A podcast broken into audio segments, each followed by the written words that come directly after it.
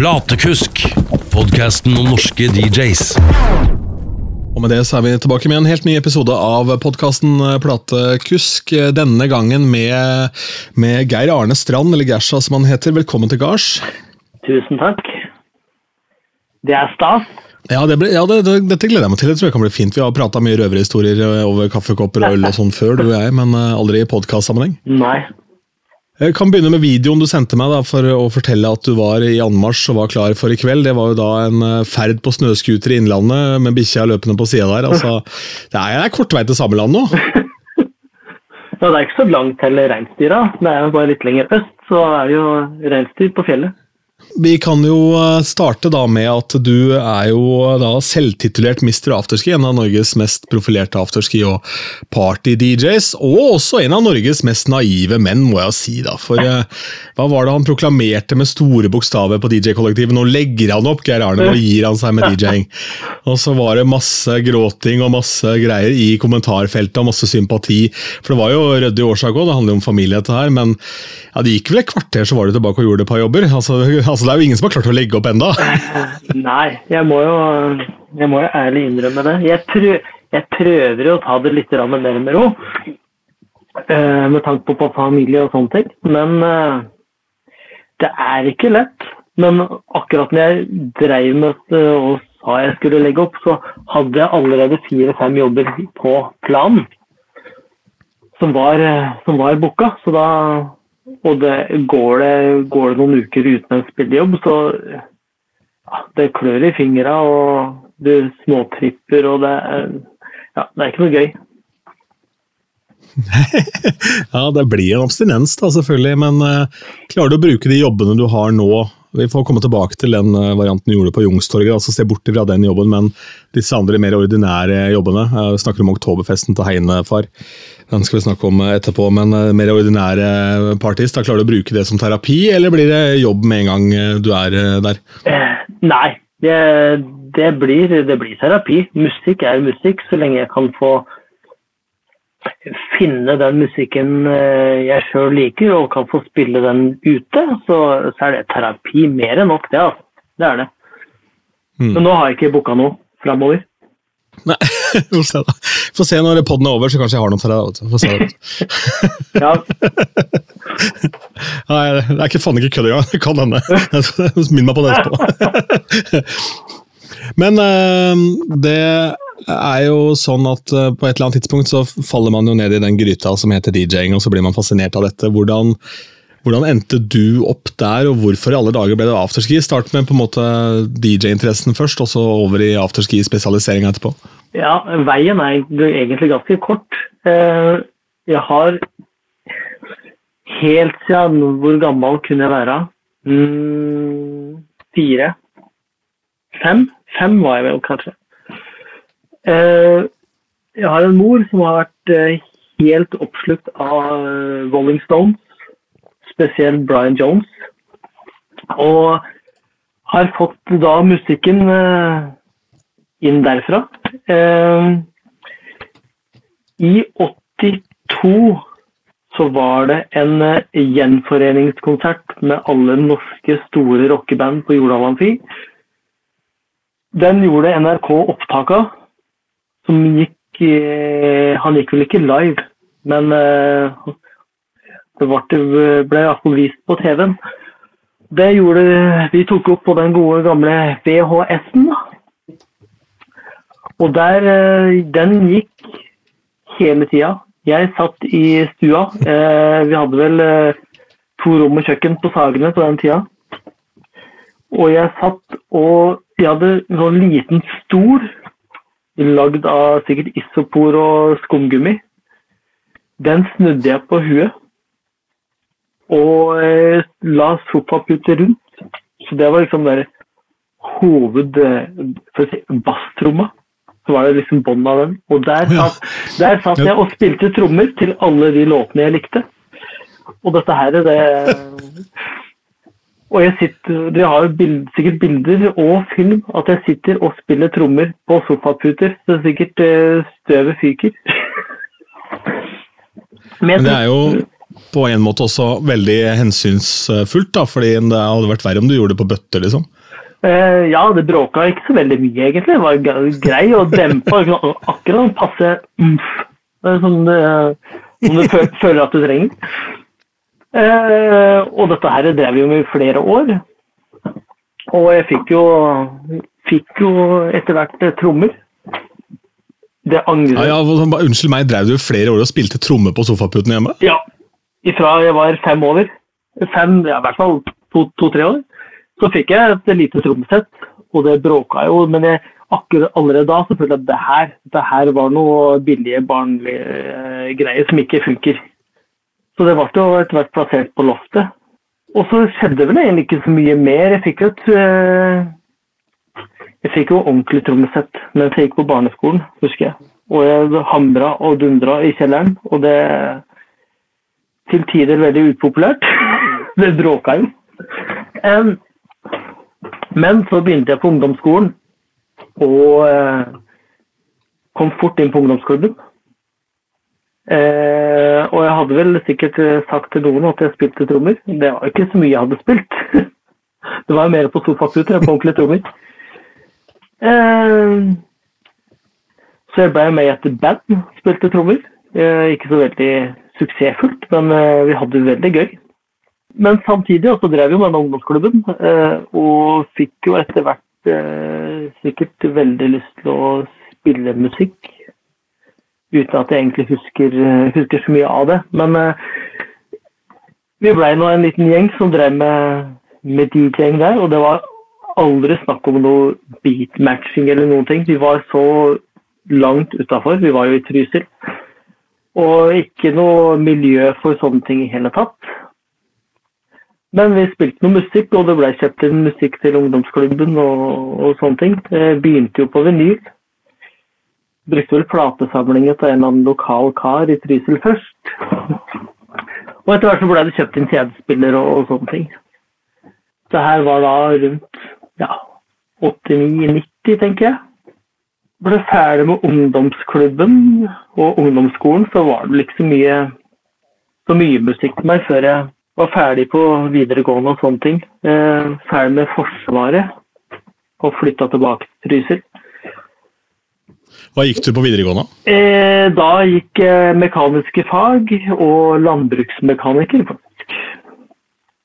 Ja, Det forklarer hvorfor du kan reparere ting og sånn. Jeg klarer jo ikke en dritt av det der. vet du. Jeg klarer jo så vidt å bytte dekk på bilen min sjøl. Jeg er jo helt lasaron, jeg. Men for jeg er jo kopimaskintekniker, det er jo noe som ikke man bruker lenger. for den, Det opplegget de brukte den gang da, det har gått ut på dato i tillegg, så alt jeg lærte på videregående er bare å kaste i søpla. Men vi det har nå gått greit. Ja da. Ehm, nei, jeg tok jo aldri noe fagbrev eller sånt, men eh, på midt- av 90-tallet så var det ikke så veldig mye lærlingeplasser. Nei, samme var med tilfellet for meg, faktisk. Så eh, jeg begynte med å jobbe, med, både med elektro eh, og elektronikk og, og sånne ting. I tillegg til å være gartner, av alle ting. Ehm, men så Den musikkarrieren hadde, karrieren hadde jeg egentlig gitt opp for lenge siden, med trommer og sånt. Men eh, jeg hadde jo alt jeg har, Rytmen har du i kroppen. Eh, og så var det vel på et tidspunkt at jeg begynte å jobbe som eh, servitør på et hotell i Trysil. Og plutselig en kveld så «Ja, 'Vi trenger DJ, kan ikke du spille?' Eh, jeg hadde jo ikke noen plater eller noen ting. Eh, det var vel i 98. Og fikk raska sammen noen plater og greier. Eh, og spilte, og der blei det jo spillende fast noen år. Og så blei det vel stopp på det utestedet, for det var vel forskjellige eier og sånne ting. Men så kom vinteren. Vi kjører på ski, og eh, plutselig skal vi jo Vi er jo i Trysil fremdeles, og vi skal jo på afterski. Og vi kjører jo hard stil på afterski, og sånn høres veldig kult ut. Og det begynner å komme litt mer på den musikken igjen, da. Og prater noe med de DJ-ene som spiller, og i et par år. Og så går utestedet Konk på noe vis. Og da er det tre, tre karer som eh, har da jobba der, som tar over drifta. Oh, ja. Og så sier jeg at eh, Og det her er tre kokker. Eh, Så jeg, gi meg en sjanse, så skal jeg spille ti ganger bedre enn de som har spilt det før, sa jeg. Og var ordentlig, og var ordentlig cocky. Eh, Vet du, hvem som sa ak akkurat det samme? Det var Boy George da han var på audition for Culture Club. eller altså, Han var på audition for noen andre band før han starta Culture Club. Så var han så cocky at han eh, da blei svartelista før han rakk å synge. Så, men det gikk bedre i ditt tilfelle. Ja, eh, vi signa kontrakt for, eh, for en sesong. Da var det torsdag, fredag, lørdag. Tre til seks. Og det, det ble jo suksess. Så jeg, det ble jo år på år. Og jeg høyna vel honoraret for hver gang. Men da hadde jeg en sånn månedssum, da. For da sa jeg at jeg skal ha det og det i måneden. Og jeg kan nå eh, i løpet av sesongen stille eh, hva jeg sa, ti ganger. Hvis det skulle oppstå noe, så kan jeg komme og spille hvis det skulle oppstå noe ekstra, ekstra jobber. Men, eh, men eh, tre til seks var bare afterski på dagtid? Det var ikke noe sånn klubbkonsept som det er nå om dagen? Nei, da var det tre til seks. Eh, Dette eh, høyna vi vel etter et par år. Begynte vel til sju og til åtte, så høyna vi nå til tre til ni. Men da, Seks timers sett, ja. da var folk så slite. De krabba på steingulvet ut av døra. Det var eh, Ja. Så det Så vi gikk vel tilbake. Så, så det blei vel eh, tre til sju, eller tre til åtte Nei, tre til sju blei det vel. Og så hadde de en time på å rydde og vaske, for da skulle de ha restaurant og à la carte fra klokka åtte. I samme lokale, ja. I samme lokale. Så det ja. Det er deilig. Men det, det, det fikk jo en, den fikk jo en eh, grei eh, struktur på det, for da, da var det å kaste folk ut, rett og slett. Da, av, med, av med lyden og på med lyset og jage folk ut. Og så var det bøtter med såpevann, bare kast utover bord og stoler, og så var det å skure med, med koster, og så svaber det alt ut i sluker og sånne ting, og så bare å spraye med noe godlukt. De første åra så var det lov til å røyke inne. Ja. Og det er jo eh, kaos blir. Men, eh, men det har vi gjort eh, det jeg snak, Stedet jeg snakket om nå, er jo Låven i Trysil, der jeg har spilt i mange år. Og Der har de et langbord. Eh, om det er fem eller åtte meter, jeg er litt usikker. Eh, der har det jo blitt en tradisjon at står du på langbordet og danser, så kaster du glassa. Du kaster alt eh, flasker og glass under langbordet, for da veit du hvor det er. Da slipper du liksom tråkke i det og sånne ting. Så er det mye lettere for de som skal vaske etterpå, å ta det opp derifra. Så det, okay, ja. det ble en greie. Ikke, ja, Bokstavelig talt en ekstra fjellvettregel, altså. Ja, veldig greit. Hvor glad er du for at du kan definere det punktet hvor du oppdaga musikken og skjønte hva det kom til å bety for deg i livet? Det har jeg vel ikke tenkt noe på. Jeg vet vel egentlig bare at uh, uh, musikk, uh, og det er i mange slags former, er rekreasjon. Det var Nå har det vært noe Jeg har drevet pussa opp noen stereomøbler og, og sånne ting, så har jeg ikke hørt på musikk på flere uker. Sånn på et godt anlegg, da. Og da liksom, det, og ikke vært på spille på å kunne spille høyt heller. Og da liksom klødde det i fingra. Og ikke hadde jeg noe kabel så jeg fikk spilt noe fra noe Spotify eller Tidal, så var det fra den vinylen. da. Og det spiller Det er 80-tallet Siden jeg satte på først her om dagen, var jo Dirty Dancing, tror jeg. og, men også, altså, altså når du har Hvis du har et godt anlegg da, som spiller bra, så spiller det ingen rolle hva du setter på. Alt blir bare krem i, i øra. Ja, og så var det ikke akkurat dårlige produsenter på de greiene der heller. Det var jo de beste folka, det. så. Ja, jeg, i går eh, dere har begynt med sånne juleforberedelser, og da satte jeg på ei juleplate som eh, Tom Mathisen har produsert og synger på. Og det var sabla god lyd i den plata. Og så går jeg og ser på. Altså, er, er det Ja. Eh, og så ser på årstallet den er produsert. Det er 1979. og jeg hadde jo akkurat spilt eh, Jeg hadde spilt noe annet, og det skrapa, og det var helt håpløst. Og dårlig lyd. Men den, den plata var eh, Det var, var Det spilte inn i, Ja, hva, i hva het Ja, for det var Viggo Reidar, det da, eller? Nei, han heter vel bare God jul. Det var ikke Viggo Reidar. Det- Ja, for det kom seinere, vel. Hva har gjort det? Ja, det var vel 80-tallet, tror jeg. Ja, ikke sant? For det var jo de var vel de som skulle fylle Eller var det Børre og Gibb? Jeg husker ikke, jeg i hvert fall, men eh, det var de to karakterene som i 88 Ja, stemmer 88. For da var det Tina Turner, Pink Floyd og, og, og Prince på Valle Hovin. Ja. Og så var det også da Viggo Reidar eller Bølle og Gibb eller et eller annet. Det var en av de der. Så, så det hadde satt opp da, det var jo selvfølgelig ikke noen konsert, men eh, det var jo så. Ja. Og så, Eh, sporer man av aftershave. Jo, jo, men jeg kommer tilbake dit igjen. Ta det helt med ro. Jeg, er ikke så glad i snø. Eh, Og så er jeg notorisk ræva på ski. Altså, jeg er Norges dårligste, altså den, dårligste nordmannen i verden på ski. Eh, Jeg har stått på slalåm to ganger i mitt liv, eh, sammen med min, min avdøde onkel Jostein i Kongsberg, hvor vi går på snørra som et helvete, selvfølgelig, nedover den bakken der. Han over meg, eh, for han holder jo meg bak der, ikke sant? og det var jo en jævlig skummel opplevelse for en drittunge. Så tenkte jeg at dette her skal ikke jeg drive med. dette her er ikke noe... eh, Jeg hører at vi er født med ski på beina, men det er ikke jeg. Så da får jeg være adoptert eller et eller annet. Neste gang jeg står på afterski, så er det på toppen av Matterhorn i Sveits. Det er jo på firmatur med et sånt Google-firma jeg jobba for. Så da har jo jeg sagt at jeg vet ikke om det er noe god idé, og så ender vi opp med å ta skieisen helt opp, da, for vi har kjørt litt flytende buffé i lunsjen og sånn, og så står det en asiater i bar overkropp og flekser og viser noen poser utover Alpene. Og mange står og tar bilder av han, da, for det var jævlig kaldt. Det er helt til han tjukkasen som skal prøve å stå på slalåm for andre gang i sitt liv, tryner seks ganger på 18 meter. Ja. Og på toppen av Matterhorn så er det jævla tynn luft òg, så det blir jo tungt å komme seg opp i gang.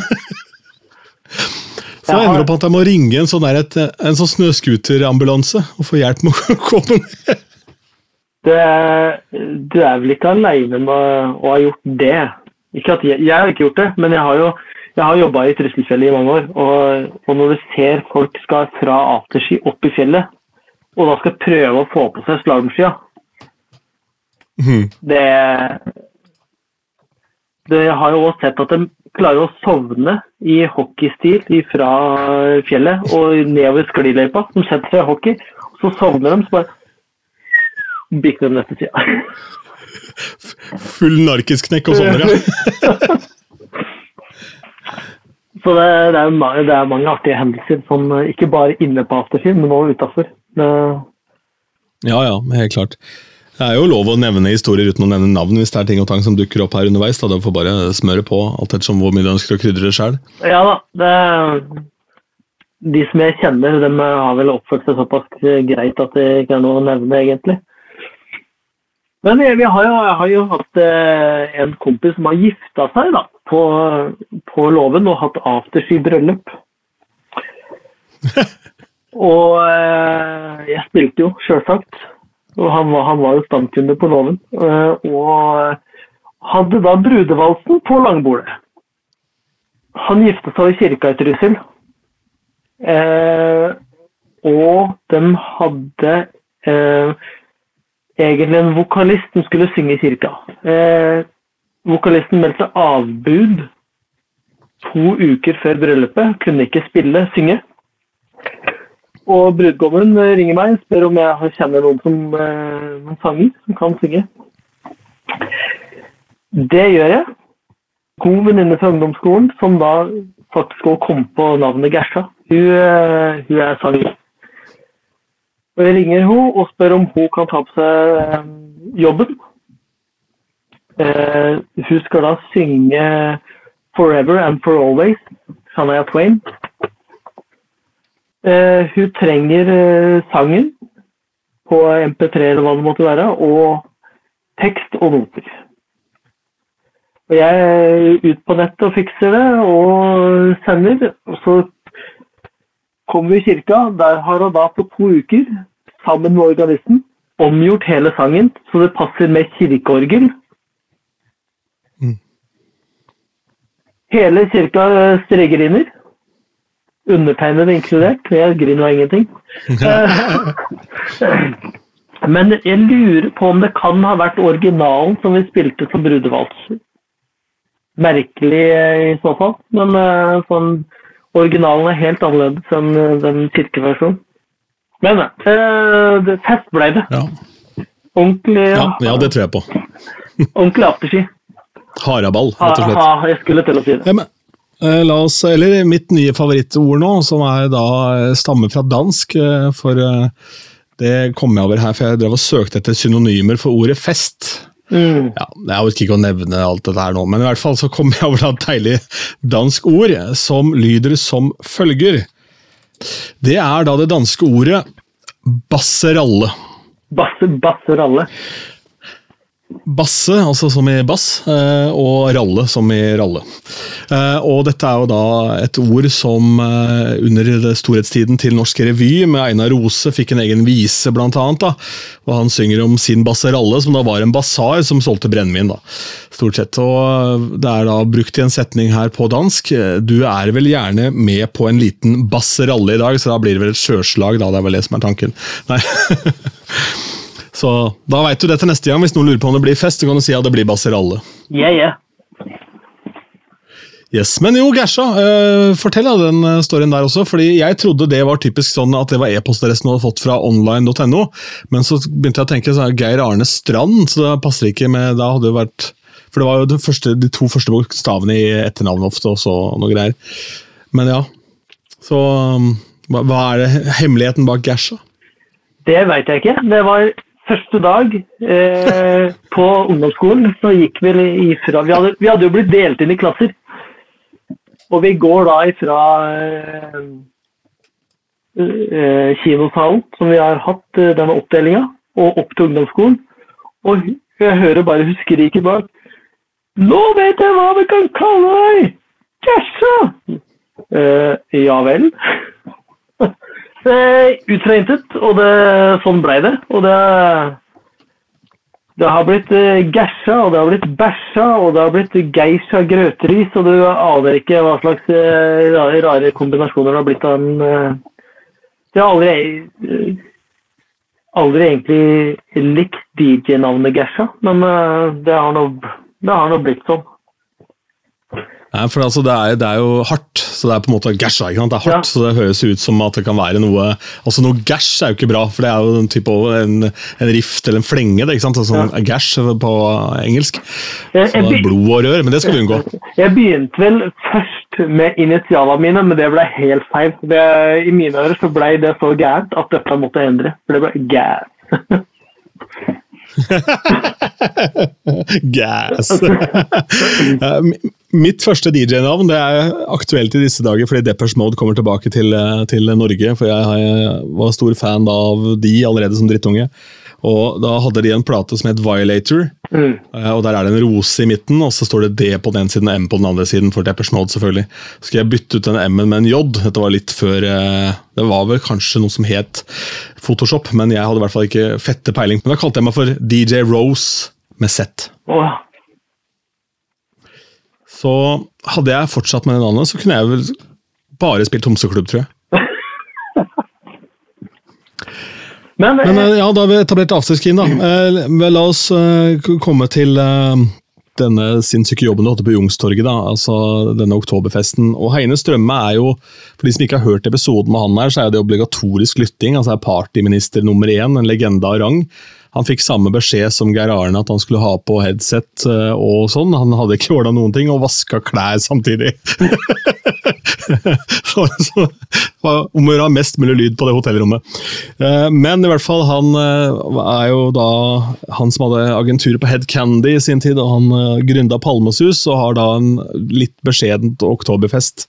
Mange er det plass til det teltet? Livets telt nede på Youngstorget. Det er jo hele plassen her.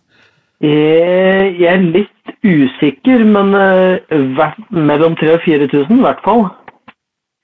Mm. må det være. Eh, Ja, det er, det er har fort, det, vel- altså, kanskje fem år, tror jeg. og det er såpass, ja. ja. Eh, du har jo to avdelinger, så jeg prøver å eh, overalt hvor jeg er, for å finne ut hvor mye folk som går på en plass, som stort område, så tar jeg da Knettsetra i Trysil som referanse. For på den plassen så går det ca. 4000. Og da bare tar jeg sånn type øyemål. Eh, så eh, Oktoberfesten, ja, i hvert fall 4000. Eh, kanskje over 5. Mm. Ja. Men det var jo sittende, da, så det, ja, ja, men det, det spiller ingen rolle. Det var i hvert fall jævlig mye folk, og helvetes god stemning! Eh, det var det. Og her var det jo altså, Om ikke det var en audition, så i hvert fall Heine ute og hadde en litt sånn offentlig utlysning av denne gigen. Altså, den jo, det er jo en kudos til deg og en, en fjær i hatten og um, no, no, no pressure, min venn! Kjør, vær så god. Pensjonisten tar den. Men eh, hvordan forbereder man seg til å gjøre en sånn sinnssyk eh, gig eh, som det? Fordi her er det jo da folk på lys involvert som skrur for Fed eller Grand. Liksom. Det er jo sinnssyke greier. Den største forberedelsen egentlig, må egentlig for min del være det eh, De samtaler jeg har hatt med Heine. Som, eh, jeg har spilt på et par oktoberfester før, Elverum og Tønsberg. Eh, og har vel i grunnen Gjorde vel det samme i Oslo, egentlig. Spørre litt mer om hva, hva Heine tenker. Hvordan han har gjort det i alle år. For du hører Altså, det må du ikke høre på, for han har jo verdensrekord i hver drita. uh, ja, det skjønner jeg. Jeg oppdaga jo det, når, for han var jo til stede når jeg spilte. Ja, fy faen. Det ser ut som han har falt ned fra månen på noen av de festene her. Det er helt sjukt. Han har falt ned fra månen og havna rett på bunnen av havet. Men det, det, det morsomme var jo eh, Jeg har med mitt eget utstyr. Heine har jo spilt på mm. CDJ eh, og 900 greier i, i alle år, sikkert. Eh, så kommer jeg med min litt sånn spesielle Pioner S9-mikser og Denon-spillere. Så jeg spurte jo Heine på forhånd om det var plass til utstyret mitt der, for han, han spurte jo om eh, Nei, jeg spurte eh, Han spurte om han kunne ta en sånn gjesteopptreden. Og det er jo selvsagt. Det skal du få lov til. Eh, så han kom jo der og hadde aldri sett uh, Det er fælt å si at han aldri har sett utstyret.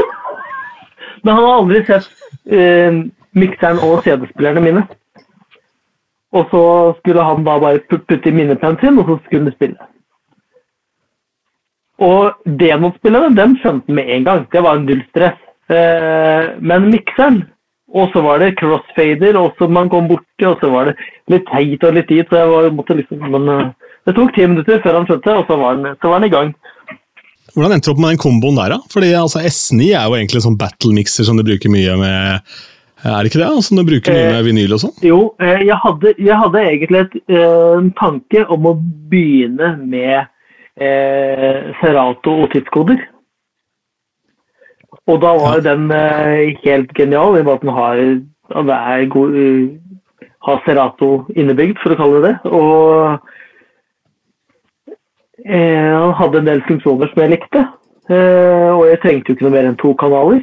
Eh, så har du de to vippebryterne eh, på kanalet som for å få effektene fort i gang og alt det greiene der.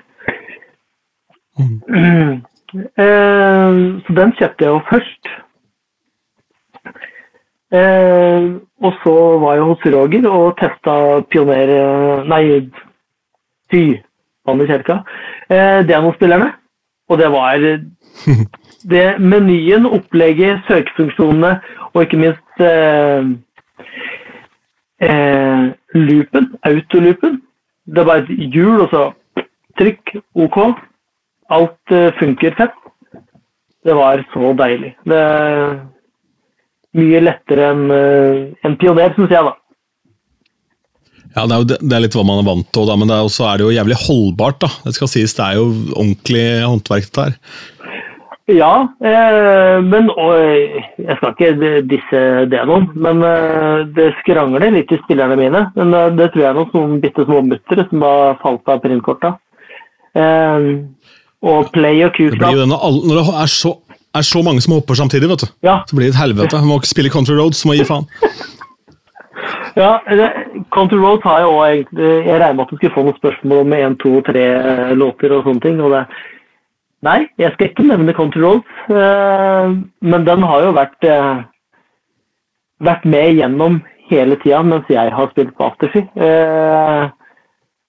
Men når du spiller en torsdag, fredag, lørdag eh, gjennom x antall sesonger, så går du fort, du går fort lei. Altså. Et par sesonger, så er du ferdig. Da prøver du, Du kunne- prøver å ikke spille den, men det går jo ikke. For du har jo de folka som er da kanskje i Trysil kanskje én helg i året, to helger i året, som da hører den kanskje bare da.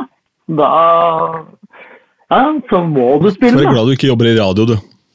Ja, Altså, nå er det jo greit, for nå er, nå er NRK som har en spilleliste som i hvert fall er, er litt bredde på, men jeg husker jeg var i Radio 1 i 2006, blir vel det da. Og da var den sangen som ble mest spilt på kanalen, den var A-lista, det var Linn Nilsen Fuentes Holm med Halleluja. Ja. Og da gikk den hver to og en halv time, tror jeg, var A-lista til Radio 1. Og jeg hadde da fire timer live på kvelden, og så hadde jeg to timer opptak. Så jeg kunne være maks uheldig og ha den tre ganger i løpet av seks timer. Uh, ja, nei, det var, det var så tungt, det. Altså, og den er så seig òg, ikke sant? Og varte i fem minutter. så, ah, men, men. Det er jo så. Nei, jeg har pensjonert Country Roads eh, til en viss grad. Jeg tar den sånn hvis jeg enten er desperat, eller hvis jeg ser ja, faen, det er den, ja. Den kan jo bange på noe, så uh, skjønner vi ikke hva som skjer, for de har fått så mye allikevel. Fordi, rett og slett fordi det utfordrer litt tankene på å finne noe annet. da. For ikke bare stå og gå for Country Roads i Freddy Kalas, som jeg gjorde en periode. Ja, men, men altså to Road, da. Eh, Det er jo Hermes House Band-versjon som runder på Afterski. Eh, når jeg gikk prøvde å gå bort ifra den, så Hermes House Band har jo yeah, 10-20 slagere som du kan bruke. Ja, helt enig. helt enig. Det har jo, Jeg spiller eh, både den der eh, Eller når jeg gjør den type gigs, da, som, og gjerne store jobber, sånne over 500 pers og sånn, så er jo de låtene helt bangers. Det er jo det de er laga for. Da spiller jeg den eh, Life Is Life-versjonen deres med DJ Ötzi, og så gjør jeg ehm, Det eneste er, som er dritt med den, du må spille absolutt hele jævla versjonen av um, uh, First I was afraid, I was I petrified. will, I will survive. Ja, radioediten der. Ja, Ja, for den tar seg opp så fælt på slutta. Ja. så... riktig. og begynte å quickmixe, så er det ja, det gjelder egentlig alle låtene til Herman's House Band. Så det får være en urinadelåt. Da. Bare Sett den på, og så gå, og bare husk å komme tilbake så du kan dra ned spaken når du synger med. Ja. Hva gjør en god afterski-låt, da, egentlig? Det som alle andre låter, da. Den må jo være fengende. Det, eh, rett tempo er jo helt klart. Eh, for går det for sakte, så blir det for seigt. Du må ha noe som Og så er det jo en, en enkelttekst som alle kan. Eh, jeg henger meg gjerne litt opp i en del tekster, har gjort det siste, for at de gjerne da gjentar siste setningen et par ganger, bare for å fylle, fylle refrenget. Og det, og ah, da er det, er det dårlig jobb. Da skal man bare raske sammen med et eller annet. Men eh, i begynnelsen på Afterfree så var det var mye av det klassiske. Det var eh, Opus, The Life Is Life, eh, Catherine and the Waves, eh, Walking on Sunshine. Mm. Og så har du da tre bussrulls eh, og Halvdan Sivertsen og alt det der norske allsanggreiene. Ja, Forelska læreren og Ja. Og da helt plain originale, ikke noe ekstra der. Men når du har begynt å spille dette greiene her om år, og plutselig så oppdager du at å fader, det kan eh, legges på noen greier her. Eh, vi kan kjøre noen andre versjoner. som og da, når du går noen år, så blir da gjerne klientellet òg bytta ut som smått og sent. Det kommer gjerne litt yngre folk som da kanskje ikke kjenner de der aller eldste. Eh, og eh, hvis du da spiller tre bussrulls med øl, øl og mer øl, så bare står folk og måper. Eh, for det har Men de kan dag nummer to. Da husker du den. ja, Ikke vær så sikker på det. det da, hvis du spiller den tidlig nok, så gjør den jo ikke det. Ja, det er godt. Ja.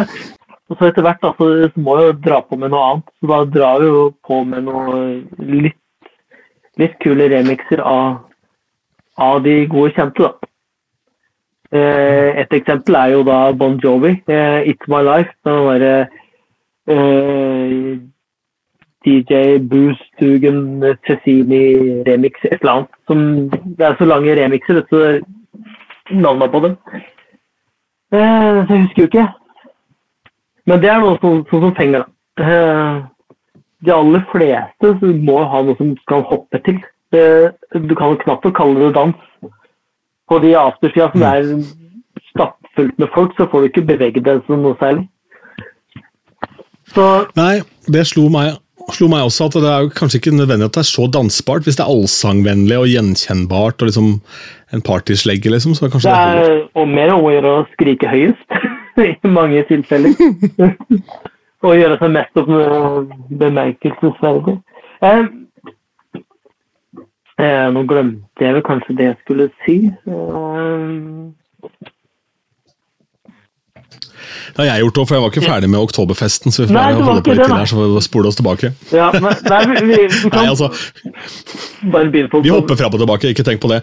Altså, Jeg har hatt uh, veldig mye jobber i helgen, og det er vin i glasset på begge kanter her, så vi får se hvordan dette ender. Ja, det er tomt i glasset til Geir Arne nå. Du får gå og helle på vin, da skal jeg forklare hvordan ståa er.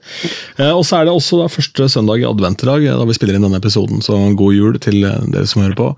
Og det har jo vært litt sånn i anmarsj lenge. Jeg tenkte å prate med Geir Arne i forbindelse med at han da la opp, og så gjorde han jo da, om ikke et eh, famøst comeback, så har han i hvert fall egentlig aldri helt Altså Han har aldri helt blitt kvitt all sagmuggen som var oppi nesegrevet hans, så han uh, har ja, vært, vært her hele veien. Allikevel på et vis, eh, og vært litt i periferien. Men uh, skal vi snakke litt om det tror jeg ikke har vært så mye inne på, skal vi snakke litt om å DJ-e så jævlig svære rom? For Jeg spilte jo til Nord Arena nå for første gang i mitt liv, og jeg har vært i Spektrum og sånn også. Og da du er på så stor scene, altså hvordan hvis man som en eh, ung eh, DJ på en måte for første gang i livet kanskje skal opp på en scene og spille for et par tusen mennesker, så er det noe ganske annet enn en klubb, da, sånn bare tenker på hvor P-en henger. Ja, eh, da må du Stort sett så må du fram med en monitor. Eh, er det noe band som spiller, så er det bare å vri monitoren. Eh, og det er jo lydteknikeren også oppmerksom på. Men jeg har jo spilt på eh, små steder òg, som da eh, har PA-en i ene rommet. Og er I ene enden av rommet så står du i andre enden av rommet, og du har eh, noen millisekunder med forsinkelse, som er helt håpløst å mikse på eh, via PA. Så du Enten må du bruke headset eller bruke monitor. Eh, Mm. på afterski så er ikke det så veldig viktig, egentlig. Det er bare å få, få bytta låta. og Da er det mer overraskelsesmomentet da, som er viktig, syns jeg. Selve miksinga spiller ikke så eh, veldig stor rolle. Nei da, men altså, det, er jo, det er jo deilig om det er en flyt allikevel. At det ikke på en måte bommer på hver eneste jævla bit. Da, ikke sant? Så, Ja. sånn, ikke nødvendigvis at den skal ligge i eh, og beatmikse, men jeg bør gjerne liksom trykke play på eneren. da. For da høres det jo redd ut. Uh, ellers gjør det litt vondt. Eh, Uansett, Ja. i hvert fall for, har blitt sånn for min del nå. Men uh, den jobben jeg gjorde for, for Akers, det var jo et powerset, så det var jo nesten 100 låter på 1,40. Uh, for de ville ha liksom et kjempeintenst partysett. Det var det som var bestillinga. Så vi skal bare allsangbangers i alle sjangere. Ja. Um, og altså, Der preppa jeg flere varianter, og sånn, så det var heavy. ass. Da, da var jeg sliten da var jeg ferdig. Da Men- Da var det tomt. Men er det da sånn at du skulle kjøre bare eh, liksom et vers og et refreng av låta, og så bytte? Ja. Powerset, ja. ja. Det hadde ikke jeg orka, jeg. Jeg må ta det i mitt, jeg må ta det i mitt tempo. ja. Det er derfor jeg øvde. da. Jeg øvde som helvete for å få den til å sitte. Roger, det var, det var preppa noen varianter der. Roger er jo helt konge på det greiene der. Ja, ja, ja. Men det- Men det er også ganske altså gåsetegn. Det er ikke, det er ikke enkelt, fordi det, alle overgangene er forskjellige. Men det er jo Hvis du er i den moden altså Jeg ble overraska over hvor kort tid det tok å tenke å shit, nå er det ett minutt igjen av låta, til å tenke faen, altså, det er over et minutt igjen av en jævla Hathaway med What Is Love, nå blir vi ferdig igjen snart. Ja, nei, det Nei, da Ja, nei, jeg, jeg, nei, jeg vet ikke. Så, må, finne, noe må han finne på. Du kan jo finne på mye rart som folk ikke egentlig legger merke til, som du føler kanskje er helt høl i huet. Helt klart, absolutt. Men, eh, nei, men særlig det med tanke på delay og sånn, det kan være verdt å merke seg. da, for hvis, du, hvis den gigen du er, eller gjør da, for første gang i et litt sånn stort lokale, er i et eller annet konferansesenter, for eksempel, da, så gir han teknikeren flatt faen i deg. For da du skal på, så er jo da Hvis ikke du har gjort forhåndsspekken overfor den teknikeren, så har han for lenge siden gått og tatt eh, middag og fått med seg en berte på hotellrommet. Eh, jeg Kanskje hopper det, i hvert fall. Og han er ikke der til å sette på dine monitor hvis han har dritt i det. Ikke sant? Hvis ikke du har gitt beskjed om at du skal ha det. Så det er verdt å merke seg, for det er vondt den første er hvis du er vant til å mikse da med øret og høre på, på salen, og så får du da lyden slått tilbake fra en gymsal eller et eller annet. Å, shit, pommes frites. Det er ikke gull, altså. Nei, det, og, og du er jo gjerne da eh, DJ-en er jo på til slutt, gjerne. Og da, og som du sier, da har jo teknikeren gått. Han er der kanskje idet du starter, bare for å sjekke at du har lyd ut, og så, så stikker han. Eh, Ja. På to- Oktoberfesten var ikke det noe issue, men, eh, men mange andre plasser så er du da gjerne alene. Og da eh, En del eldre DJs har jo da òg gjerne med seg egne monitorer, just in case. Eh, men på de aller fleste miksere så har du muligheten for å kjøre enten Q eller master, eller midt imellom, eller eh, så at du har Ja, blend, i hvert fall. ja, så du har begge deler i øra. Eh, og det kan jo være greit å kanskje prøve å lære seg, da. Samtidig og med den beatmixinga. Ja. Jeg har gjort det mye, eh, for mye egentlig, for det ender opp med at liksom, jeg trives med det, for da har jeg lyden rett i øra. Så da jeg tar meg selv i, nå filmer jeg litt av de tingene jeg gjør, og sånn, tar meg selv i å se at jeg, jeg har, liksom ikke connection nok med publikum mitt sånn øyekontaktmessig, da, fordi jeg står og kikker ned i hele planken og har headset på huet. Mm. Men jeg tenkte på Så det her om bli blir flinkere til å ta det av. Ja. Eh, Jeg tenkte på det her om dagen. Eh, Lete CD-er, eller vinyl, da, for den som driver med det, og stå der og bla. Det føltes mye mer riktig ut enn å bare stå og scrolle på en skjerm. Så, Det er helt riktig. Så, Men jeg bladde ikke så mye heller. For Hvis jeg skulle ha Grease Megamix, da, så visste jeg at den var der, og så bomma jeg aldri med mer enn fem skiver. nei. For det var den samme kofferten hele tida. Ja, men sånn som jeg gjør når, jeg, eh, når jeg drev med CD, så hadde jo alt da i en koffert i sine lommer og sine rom. Og da finner du flere CD-er samtidig. Så tar du den opp, setter den på skrå så den står oppreist, bakover, bakover, Ja. i flere sånne kolonner. og så du kjente jo dine CD-er, både original-CD-er, samle-CD-er og da senere til da brukte, ikke brukte, eh, men eh, brente. Og da hadde du alt klart. En av de første jentene jeg ble forelska i i hele mitt liv. Hun kan få være anonym her. Hun eh, kom inn i DJ-boksen på et sånn fjortisarrangement på Spider i Askim, og så hadde jeg gjort akkurat den øvelsen her. da, og satt opp, og Her var det jo CD-singler igjen, hvor det var den remixen som du digga. og sånn. Bartess on the move, den der Rocks-miksen der. Jeg skulle pumpe den utover kvelden her. Og en hel haug, og så tryner jo hun da over og knekker jo fire-fem av de skivene. ikke sant? Og så tenker jeg jeg er så glad for at det var deg, og ikke en eller annen stakkars jævel. For han hadde blitt banka opp, og bare, han hadde ligget i en blodpøl og daua under eh, benken her. liksom. Men, Ja, jeg så det fins faktisk et bilde, for jeg hadde med, hadde med meg en fotograf. Jeg hadde med meg en fotograf og en sånn DJ-lærling-variant av den kvelden. Det fins et bilde av denne jenta hvor hun kikker opp på meg med de største dådyrøynene i hele verden, med en sånn knekt CD i hånda, hvor hun prøver å rydde opp. Men da var det panikk, da, for det var CD for 1000 spenn. Ja. Og det var ikke minst sanger for mange mange tusen. ikke sant? Ja, jeg husker jeg hadde vel, jeg hadde vel I begynnelsen, når jeg hadde kofferter, så hadde jeg jo sånne der, eh, billige sånne der, jeg kaller det, verktøykofferter. Sånne sølger og Ja, Biltema. Ja, eh, sånne med, med rom. Og jeg hadde jo ikke sånne der, så kall det sånne plastlommer, da. Sånn, jeg hadde jo originalcoverne, de tjukke plastikkgreiene. Fikk jo ikke plass til så mye. Så, eh, men jeg fikk jo etter hvert eh, ordentlige lommer og fikk klippa til og ordna fikk til klasserommet. Men jeg husker vel i to, ja, det kunne være 2002-2003 så ble jeg kjent med en svensk DJ som, som spilte på naboplassen i Trussel. Og han hadde en så jævla kul koffert, og han skulle kvitte seg med den. Det var en ordentlig uh, flight case fra noe uh, svenskprodusert. Uh, den kalte seg The Case. Og han hadde en i sånn sebrapels.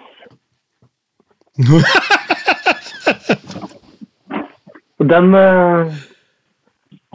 Den har jeg ennå. Hvor er den? Han hadde den her for en stund siden. Kanskje jeg har satt den i kjelleren. Ja, du må ta bilde av den i hvert fall og sende til meg, så jeg får lagt det ut på Insta. Ja, uh, og den hadde jeg så lyst på. Han skulle kvitte seg med den. Jeg tror han skulle ha 1500 kroner for den. Og det, det var det, Jeg kommer aldri til å selge den hvis den ikke, hvis jeg ikke får 10 000 for den. Da selger jeg den sikkert. For da kan jeg kjøpe noe ja, Det kan jo fort skje er en ja, Eller en uh, rik jævel som tenker at sebrakoffert har jeg ikke, det kan jeg kjøpe. ja. Og det var, det var sebra på alle kanter, Men, uh, unntatt hjørnene, for det var jo sånn aluminiumsskinner. Oh, jeg hadde en svær, massiv en i treverk, husker jeg, som uh, var vel den som de aller fleste uh, gikk for, som er fire sånne store rom. Og også plass til fire liter vodka akkurat i den, for det fant jeg ut sammen med Arild Jørgensen, som du også kjenner. For uh, Vi spilte på Momarkedet, og da var det jo ingen som sjekka DJ-ene, og så fant ut at jeg var den mest harmløse, da.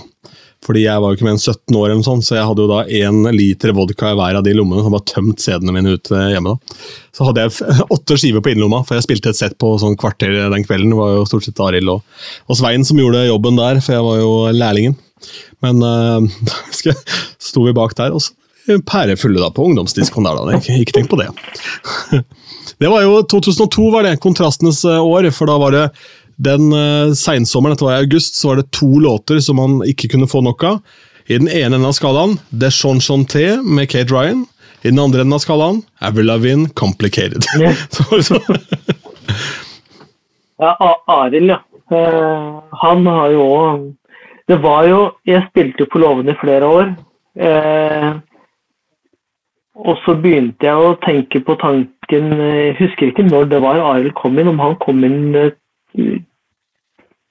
2005, 6, 7 Jeg husker ikke helt. Eh, men jeg trua vel med, egentlig med å slutte å flytte. Det var vel Jo, jeg skulle vel egentlig flytte i 2005. Det var vel 2004-2005, tenker jeg kanskje. Eh, uten å være helt bankers på det. Som eh, de som driver loven, eh, kom over Arild og Arild kom oppover og ble med og spilte, og han tok jo noen helger de helgene jeg ville ha fri. Eh, og han var jo Ja, vi er, jeg og Arild vi er jo like gamle. Eh, 45. Så det var ikke så stor forskjell, og han kunne jo spille afterski. Han var, eh, han var jo dritdyktig. På miksing er jo helt eh, Han mikser jo alt med alt. Ja, Arild var jo min DJ-mentor, bare for å ta det, jeg har jo nevnt tidligere her i poden, men det begynner å bli en stund siden nå. og Han var jo da den første som introduserte meg for at det var mulig å mikse R&B. Eksempel, han hadde looping på Denon-spillerne sine, sånn dobbeltdekk. Ja. Og da hadde liksom, Jeg skjønte jo at uh, verdien av å spille R&B-låtene, men da handla alt om beatmixing, fordi vi var vant til å spille house. ikke sant? Mm. Da kunne du ligge i beat i to minutter og bare kose deg med det. Men han loopa hadde noen varianter her på Fat Joe med What's Love i radioditten der, og sånn, så han var jo liksom den ultimate bryllups-DJ-en. Kanskje med unntak av karismaen, som har mangla litt. da.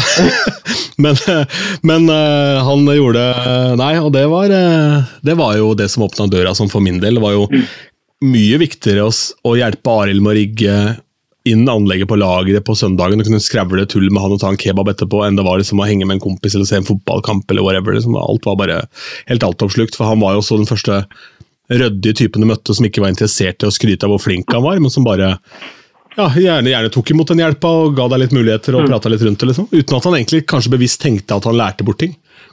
Ja, for eh, eh, når jeg eh, har spilt i alle år, og når jeg spilte på afterski, aldri vært ja, aldri eh, hørt noen ting om beat matching eller beat mixing eller noen ting.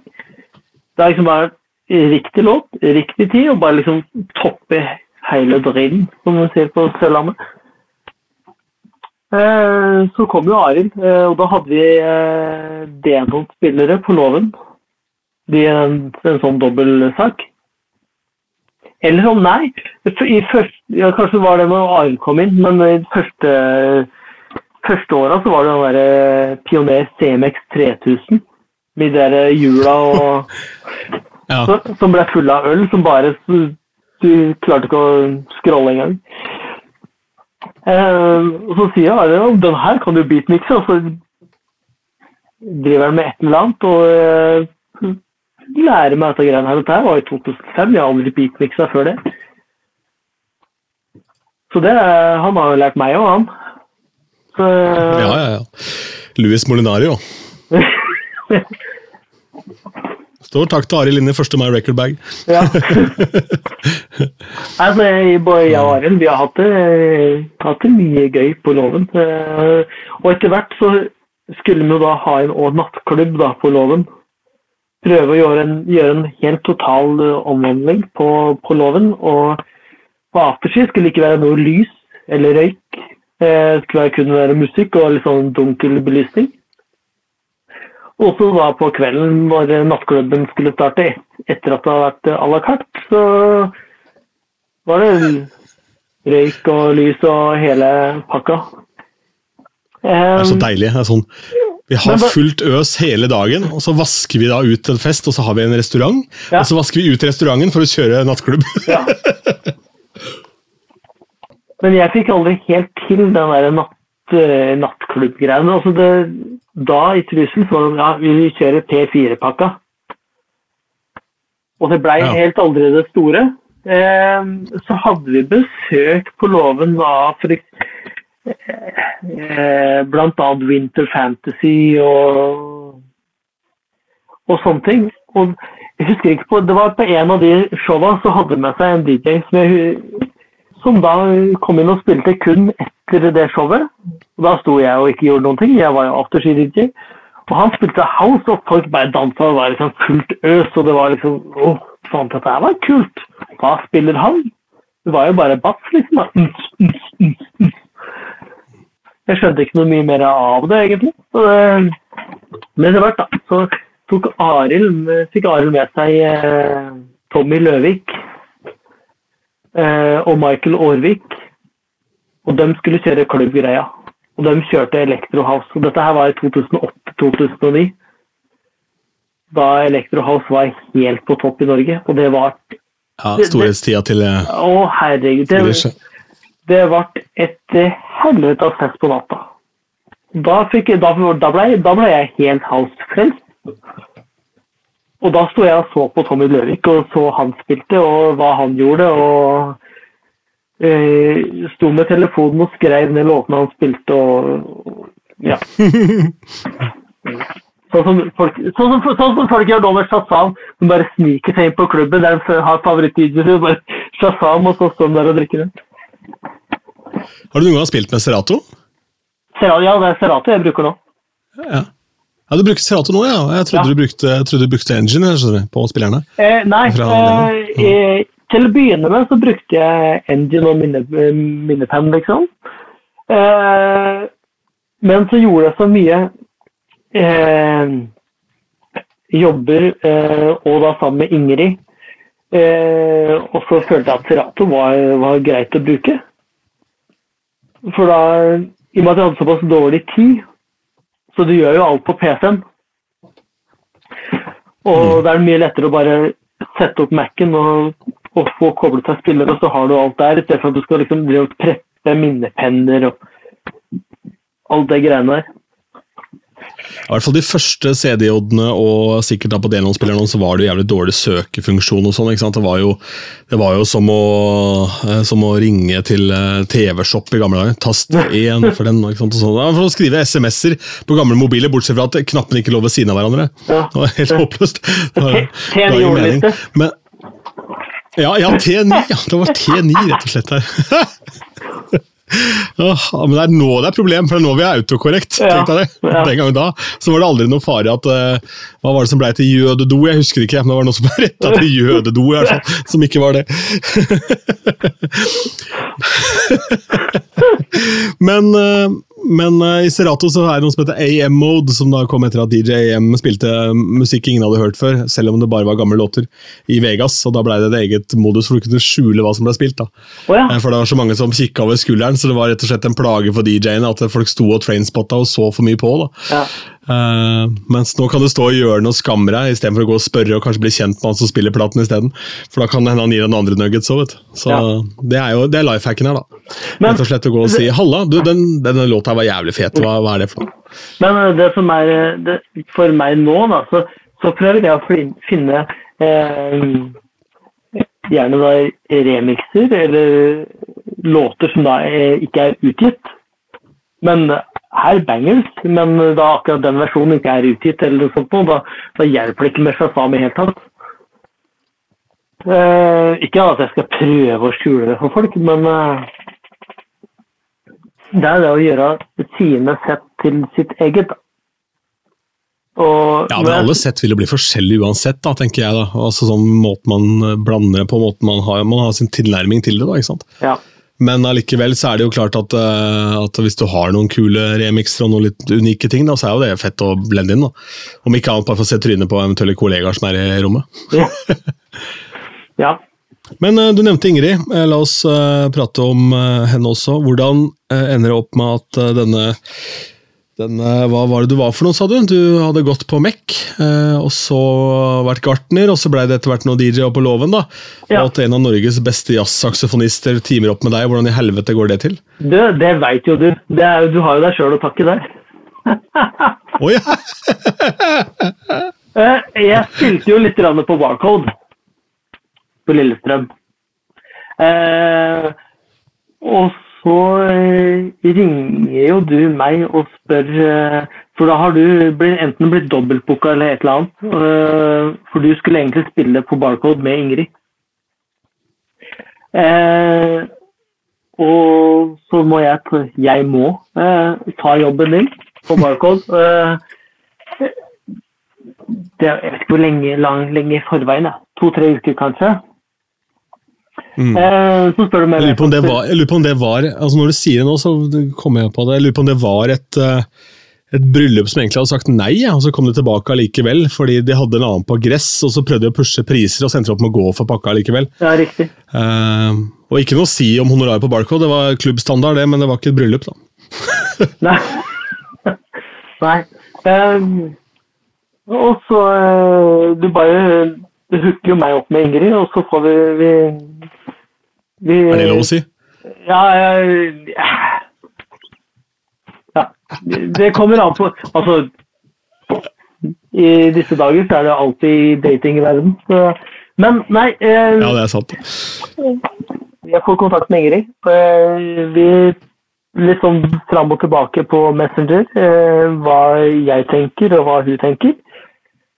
Eh, Så tar vi en pizza på, borte på Egon, Lillestrøm, dagen vi skal spille. Og ifra første ord så er jo vi er jo veldig bra match musikkmessig. Eh, vi tenker likt. Eh, både da musikkstil og hva tenker hva, hvordan hun, hun spiller da, i forhold til, forhold til meg. Ja, eller hva Hun tenker, altså hun har jo jazzbakgrunn, så hun kan egentlig spille hva som helst. og har vel sikkert absolutt gehør, vil jeg tippe. Eh, ja, det vil hun egentlig ganske eh, si. Eh, vi tar nå jo- jobben på Barcode, eh, som, eh, som du gir oss, og det er full klaff. Vi har det så gøy, og det er Vi syns at det her er så bra at dette her har vi lyst til å bygge videre på. Og sånn har det nå blitt disse åra. Hvor mange år kan det være? Eh, Ja, Det røyner på, vet du. Det er jo uff, eh, ja, det er i hvert fall fire-fem, tenker jeg. Ja, altså jeg spilte Jeg og Ingrid spilte på eh, Byfesten i Lillestrøm. Var det 2016-2017? Det var sikkert året før det, da. Ja, så da var det året før det. Hvis vi spilte i 2017, så var det 2016. da. Da jeg hadde første jobben på, på Barcode. Ja. Ja, og da, sant, ble jo det bare Dere hadde rett og slett en god kjemi som personer og mennesker sammen. da, for Det er egentlig litt det det handler om her. fordi Hun er jo en vanvittig dyktig musiker, og hun kan jo følge alt vi gjør. Så hun må kjøpe din tanke rundt hva som gir deg noe å spille som DJ, er jo egentlig det som er greia, er det ikke det? Ja, for jeg vil jo eh, Når jeg spiller på after, eh, Barcode, eh, så har jeg også, Jeg har alltid afterski i tankene, men da prøve å, da prøve å blende inn med, med klubben, da. Eh, og ikke da kjøre da de originale Allsong-låtene som alle kan, men da prøve en, da, en litt mer klubb, klubbvennlig greie. Og med Ingrid, og vi har Og jeg finner da de versjonene som jeg eh, liker. Bare lager en Dropbox-mappe og sender over. og sender på ideen og syns at det er dritkult. Og det passer liksom det hun har lyst til å spille. Eh, passer da med det jeg føler at passer bra med, med det hun spiller, da. Og så har det da bare balla på seg. Men, Og nå er dere en uatskillelig duo. ja, eh, nå, nå i høst så har, det blitt, har jeg spilt veldig lite. Eh, så da har Ingrid tatt av alle jobbene sjøl. Men eh, hun spør jo alltid meg om eh, først om kan du være med å spille. Hun vil jo alltid spille med meg. Og det er Ja, jeg er veldig takknemlig for det, at, det er det hun liker. Eh, Ja. Nei, men altså, det er, det er jo vanskelig å ikke like en jovial fyr fra Innlandet, da, som har vært gartner og vært på låven og Kjøre snøscooter med bikkja på, si. Men uh, det, er, det er jo noe med det, da. Det er jo en likende kar, Geir Arne. Og det er klart at det, det er jo mye det det handler om òg, for det skal jo være ålreit å være med på nedriggen òg. Det skal ikke bare være ålreit å gjøre giggen på den timen. La oss si at man gjør et La oss si at man gjør et sett på et event, da, så har man i tillegg kanskje produksjonen, at man har med lyden. Så gjør man sin gig, og så er det kanskje et partyband etterpå. Og så er man sliten og lei og helt kjørt. Da må du ha, i hvert fall være menneske og litt levelig i bilen hjem. At ikke du bare blir helt musling, ikke sant? for det er ikke noe, det er ikke noe særlig. Nei da. Eh, Men sånn som eh, når, eh, hvis jeg har med egen PA og, og sånne ting, da, og jeg og Ingrid er på tur, så når vi er ferdig med å spille, så står det liksom kø som skal prate med Ingrid og fortelle hvor fantastisk dette her var, og hvor fantastisk husker jeg. Jeg står der og kveiler kabler. Ja, ja, ja. Men når, når det er sagt, da, så er jo Ingrid en, en musiker som spiller på Molde Jazz og sånn, så dette er jo, er jo ypperste klasse. Saksepott, da sjekke henne opp eh, Ikke, ikke ordenes rette forstand, men ta, sjekke opp tingene hennes, fordi hun er jo vanvittig dyktig. Og så syns jeg det, det, For henne så må dette her være et fristed. vet du. Det må være et frisone hvor hun kan på en måte stå og jazze ut noe cheesy greier, ikke sant? Og kose seg med noe I Got A Feeling med Black Eyed Peas og noe greier. Og så, som for øvrig var det en låt jeg kom på i stedet når vi snakka om dårlige tekster. For det er eh, Saturday Night Live har laga en sketsj, den skal jeg legge under poden her. Eh, og Den må du se, for den er helt rå. Men- hvor, de har laga en sketsj om hvor dårlig I Got A Feeling er. Apropos I Got A Feeling, det var den første låta Arild lærte meg å mikse. og, og loope.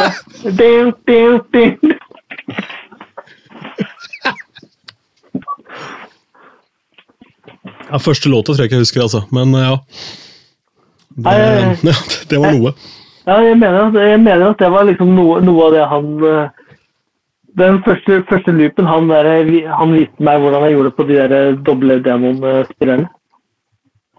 Ja, For da var det ikke noe autoloop. Da måtte du på en måte inn må- på eneren, og så måtte du ut igjen når det har gått fire takter eller åtte, eller hva du ville. Ja.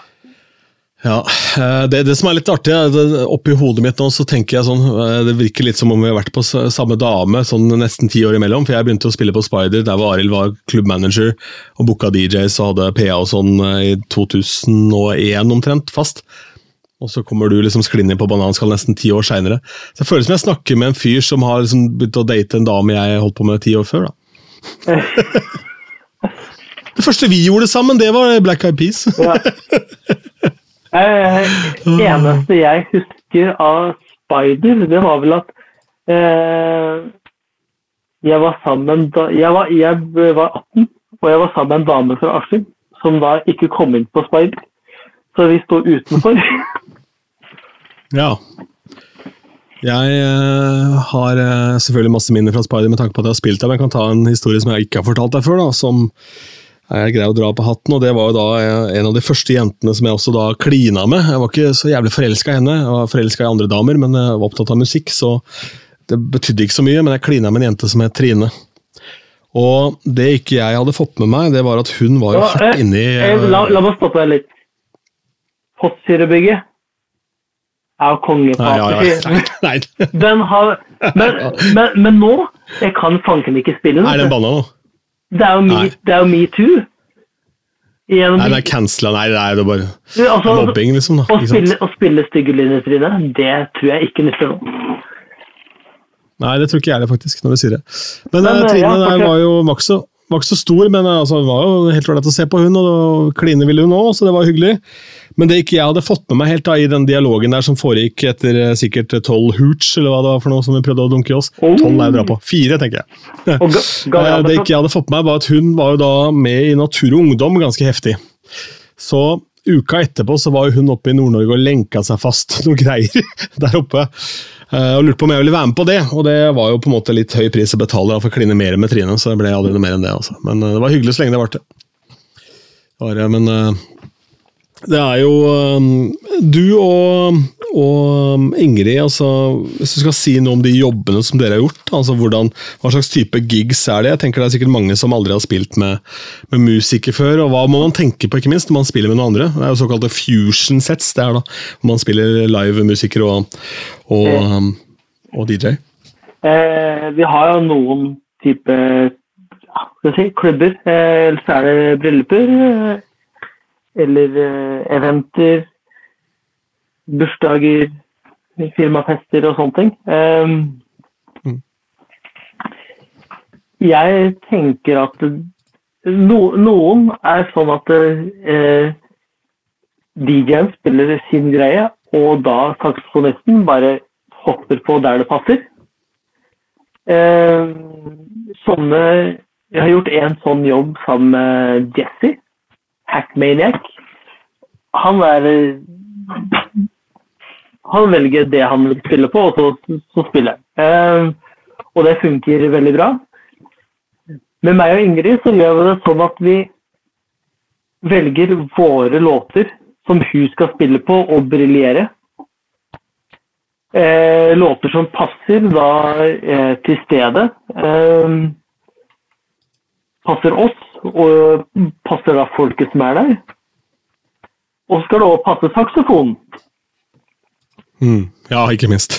Eh, så jeg finner det er stort, Ofte så er det da jeg som finner eh, de låtene jeg syns er kule, som kan passe med saks, og så sender jeg det til henne. Og så kommer hun med en, sånn, en kontra om at uh, ditt og datt. Enten så passer det veldig bra, og at hun liker det, eller så forkaster vi det. Eh, og Ja, det skulle jeg til å spørre om i stad, for er det sånn at hun også bidrar i den praten her, om låtvalg, eller er det Ja, noe på, eller Ja, ja. hun det? Ja. Eh, hun, så fort hun finner en låt som hun syns er dritkul, og hun har lyst til å spille på, så sender hun det til meg. Og da eh, og Oftest er det sånn Yes, den her var rå, den her tar vi med. Eh, andre ganger så er det ikke bestandig det, vi føler at det passer. Eh, det kommer litt an på giggen. Eh, spiller du i et bryllup, så er det ikke sikkert det passer med Otto Knows med Million Voices. Nei, det er et poeng. Men vi har spilt Vi spilte en gang på et låvebryllup i Trysil. Eh, i, og det var et sånn type Gatsby-bryllup. Gatsby-bryllup på en låve i, i Trysil. Det, Ja, jeg Ja. hørte det. Eh, men vi eh, spilte da Åh. Å, fikk jeg helt uh, Ja, fra filmen? Nei, nei, nei, har ikke noe med det Jeg har ikke noe med Gatsby å gjøre i det hele tatt. Um, Jeg kan kakle litt om den låta fra filmen da, som jeg har fått på lista til et par brudepar opp igjennom, som er egentlig litt sånn skjult perle. Men ikke nødvendigvis kjent nok til at absolutt alle tar den. Denne med Fergie og han derre Goon, eh, hva faen han heter for noe? Han ene som også var med og produserte musikk med, med partyrock-gutta, altså LMF uh, AO. Og det er den derre A Little Party Never Killed Someone. Uh, og Den er jo egentlig jævlig fet, men samtidig så er det jo litt sånn And fattigmanns-party Little Party Never Killed Somebody, hva er det du tenker på? Så, ja, eh, Somebody, ja. ja. Somebody, ja. Ikke Someone, Ja. Somebody. Stemmer. Men den er egentlig ganske kul, men samtidig så, så føler jeg ikke at den er kjent nok blant liksom eh, alle til at du på en måte slipper unna med den. da. Det er lettere å kjøre Party Rock Anthem hvis det er et bryllup. Ja. Men er det stort sett høyenergi dere spiller, eller spiller dere også da som lavere tempo og sånn? ja Og vi, vi, er det sånn at en låt som opprinnelig har saks på seg, bør spilles med saks? Eh, ikke, ikke nødvendigvis. Eh, det, som, eh, det som vi ofte gjør, er at vi spiller backing tracks. Å ja, ja, riktig. At eh, hvis du har Du har jo mange låter, og mange låter har saks i seg. Eh, og at du da eh, får, får bort da sakssporet. Eh, og da Sånn at da f.eks. i dette tilfellet da Ingrid kan da kjøre sakssporet live på, på låta. Ja, Det er jo dritfett, da, for det der er jo ingen som gjør egentlig vanligvis. Så dukker det opp et eller annet menneske som spiller oppå andre ting du spiller. Så, Ja, for ofte så, ja, ofte så er det jo sånn at, du spiller, at saksofonisten spiller oppå, og i mange tilfeller eh, så funker det egentlig veldig bra. Eh, men det er jo, jeg føler selv at det er mye kulere hvis du kunne bare tatt bort sakssporet og kjørt, det, kjørt din egen saksversjon. da. Det, det jeg tenker at hadde vært det aller kuleste, er egentlig om man hadde spilt andre kjente riff oppå det. At man gjorde en slags live mashup oppå Ja. DJ-settet. At, Ja, ikke sant? det har, jeg har sett det har jeg altså- hørt and- andre har gjort. At de øh, kjører et eller annet, og så øh, bare skummer det ned til bare en, en basslinje, og så drar f.eks. Uh, Final Countdown på saks, liksom. Bare for å ta et eksempel, da. Ja, Eh, eh, men låta jeg tenker på, er jo, eh, er jo Opus med Erik Prytz. Har du sett videoen som Ja, selvfølgelig. Har? Ja. Ja. Det var vel en av, en av dem vi, begynte med. Ikke sant? Eh, og den spilte vi da på, eh, på den, eh, det låvebryllupet med Gatsby-tema. Og det har vi gjort Ja, i flere andre brylluper og sånne ting òg, som vi egentlig ikke skulle tro at ville passe inn. Eh, vi spilte òg i 50-årslaget til en som da eh, spiller i Oslo Filharmoniske. Så he sikkert eh, 50 av Oslo Filharmoniske eh, var på det 50-årslaget. Og der spiller vi da òg annet da Opus. Mm. Og det, eh, det har jeg òg video av. Det er ikke så mange som danser, men eh, folk som er med, den, folk danser jo sving til, til nå. Som de gjør til alt Brutalt, annet. ass. Men, eh, Ja, ja. Men samtidig så er det, jeg tenker det er nesten bedre at, at det er Ervik Prydz da, som etter å ha fått liksom én og kanskje to, da, hvis vi tar med oss den der, eh, Pink Floyd-varianten hits, så velger han bare å gå sin helt egen retning. Så det er på en måte da, i hvert fall kunst det dere spiller. da. Det er ikke nødvendigvis laget for topp hit-lister. Så Så, men, det er verre enn Overenga eh, Boys. Eh, ja. Eh, men de aller fleste jobbene vi gjør, vi kan gjøre alt da fra uh, Otto Knows og Erik Brutz. og så, kan vi, så drar vi det helt til eh, eh, Jeg trodde englerne fantes, Ja. på, på samme jobben. Eh, Ingrid, ja, det er heftig. Ja, eh, for Ingrid, eh, hva heter, hva heter det jentene som hadde den nye versjonen av Jeg trodde og Fans. Eh, Nå husker jeg ikke det farten. Camphordrops? Yes. Ingrid spilte jo på VG-lista med Camphordrops og har jo vært med dem turnert rundt i Sverige eh, og Ja. spilt låta.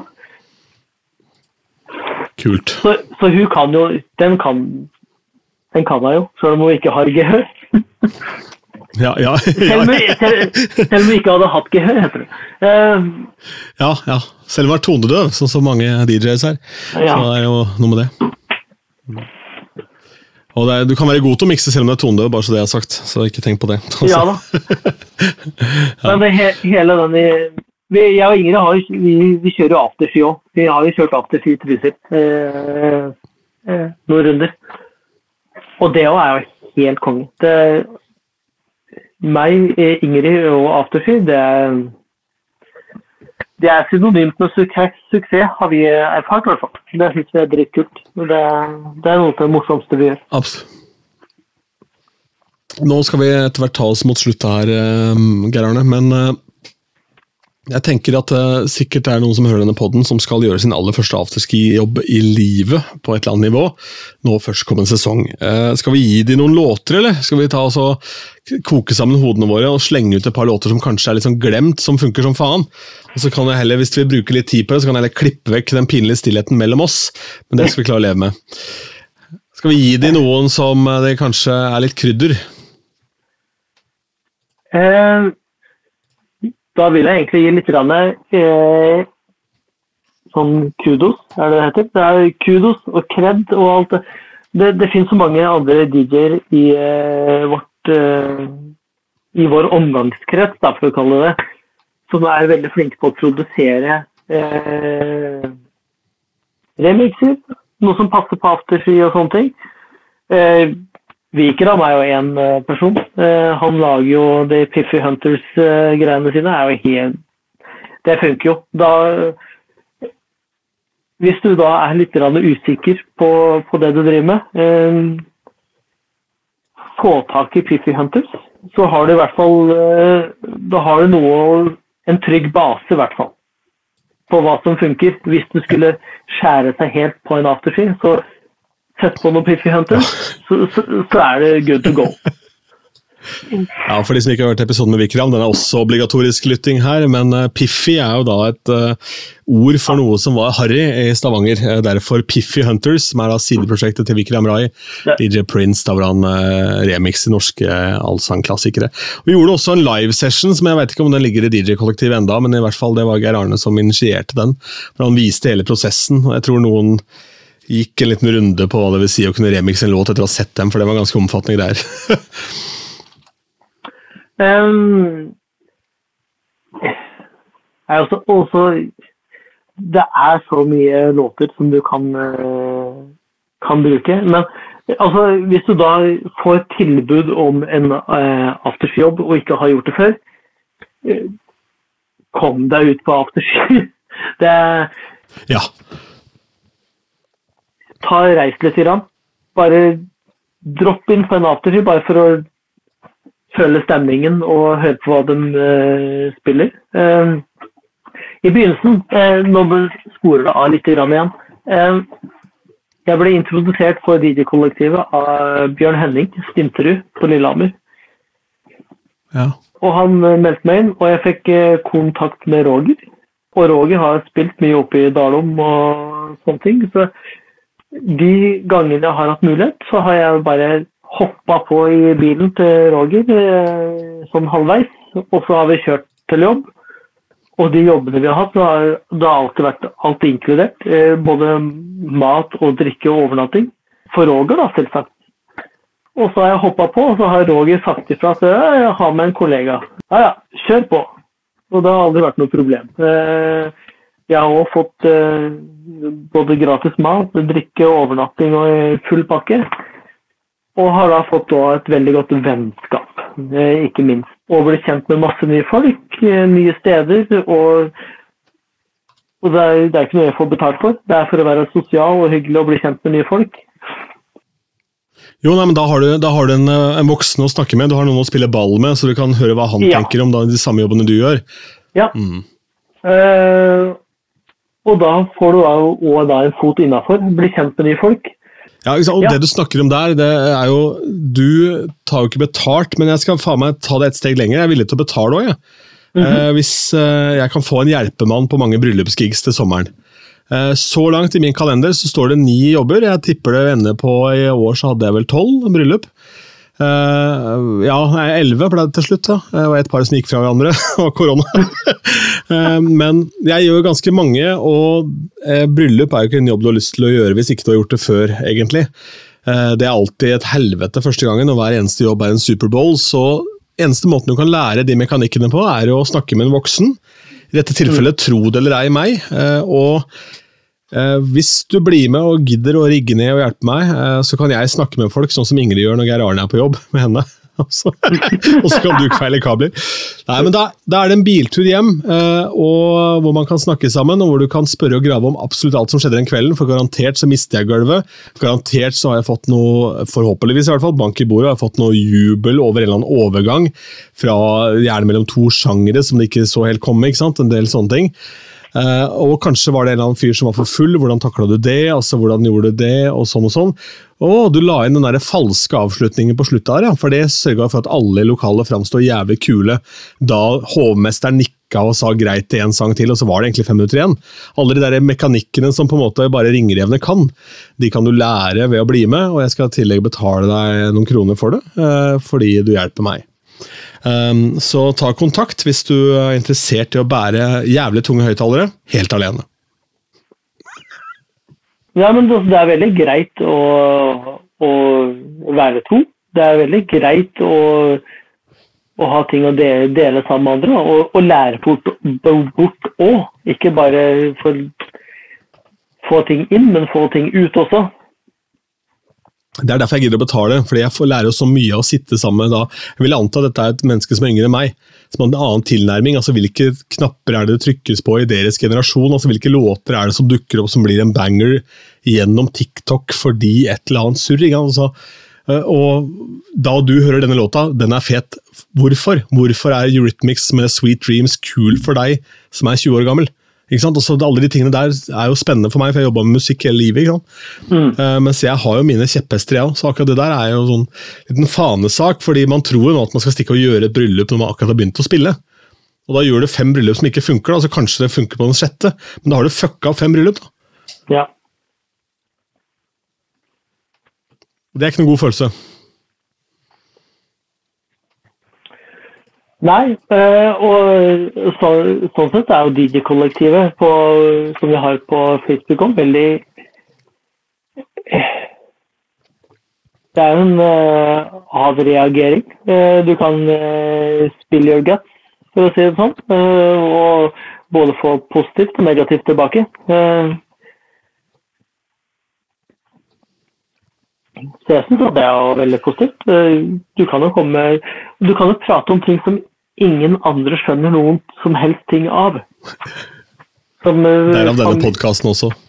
Familien din ikke har noe interesse av, ikke bryr seg om. Den bryr seg pokkeren om hva du driver med. De syns det bare er mm. irriterende. Kan jeg. Det er liksom å prate med likesinnede. Jeg syns at det er Prate og prate. Skrive, stort sett. Men jo, men altså, det er ikke noe gærent med å prate heller. Altså, sånn, og, eh, Roger og jeg vi snakker jo ofte på telefonen eh, hjem etter gig, fordi da sitter han i bilen på vei fra Drammen eller hvor enn det måtte være. Så har jeg vært på Hamar eller hvor jeg har vært, da, ikke sant? og så er det en time. Mm. Den timen så kan vi liksom snakke sammen på telefon. Og bare random da en kveld så hadde Roger hatt besøk av det var et kjendistungt selskap. da, Hvordan håndterer du liksom eh, A-klasse kjendiser i lokalet ditt? Bare det er liksom en greie du må gå gjennom oppi huet ditt. Mm. For det forandrer dynamikken i lokalet totalt idet det kommer inn en A-kjendis i Norge, for det er ikke så mange av de. ikke sant? Nei, men, um, men der må jeg si at uh, mange av A-kjendisene er mye bedre å håndtere enn da deres samboere. Ja. med helt, ja, en helt annen skala. Det er korrekt. Du, Men, eh, jeg har en to do-liste her som jeg må komme meg gjennom, så jeg skal ta slenge noe eh, not so rapid fire-spørsmål på deg på tampen her, og så skal vi eh, kalle det en dag. Og så tenker jeg at vi skal jeg skal ta meg en tur. Jeg skal ta meg fri i en av de neste jobbene du og Ingrid spiller. Så skal jeg bli med, og så skal vi ta en hva, basseralle, tenker jeg. Vi skal ta på kvelden her, rett og slett. det, Det får vi gjøre. Ja. Du, eh, vi begynner da med favorittgig. Altså, har du noe sånn fra toppen av huet, hvis du skal tenke på den beste gigen du har gjort som DJ, og også den beste gigen du har vært og sett på? Det kan være et liveband, det kan være en DJ, det kan være et standup-show for den saks skyld. altså. Favoritt-gig som jeg har vært på, eh, det er et band. Det er eh,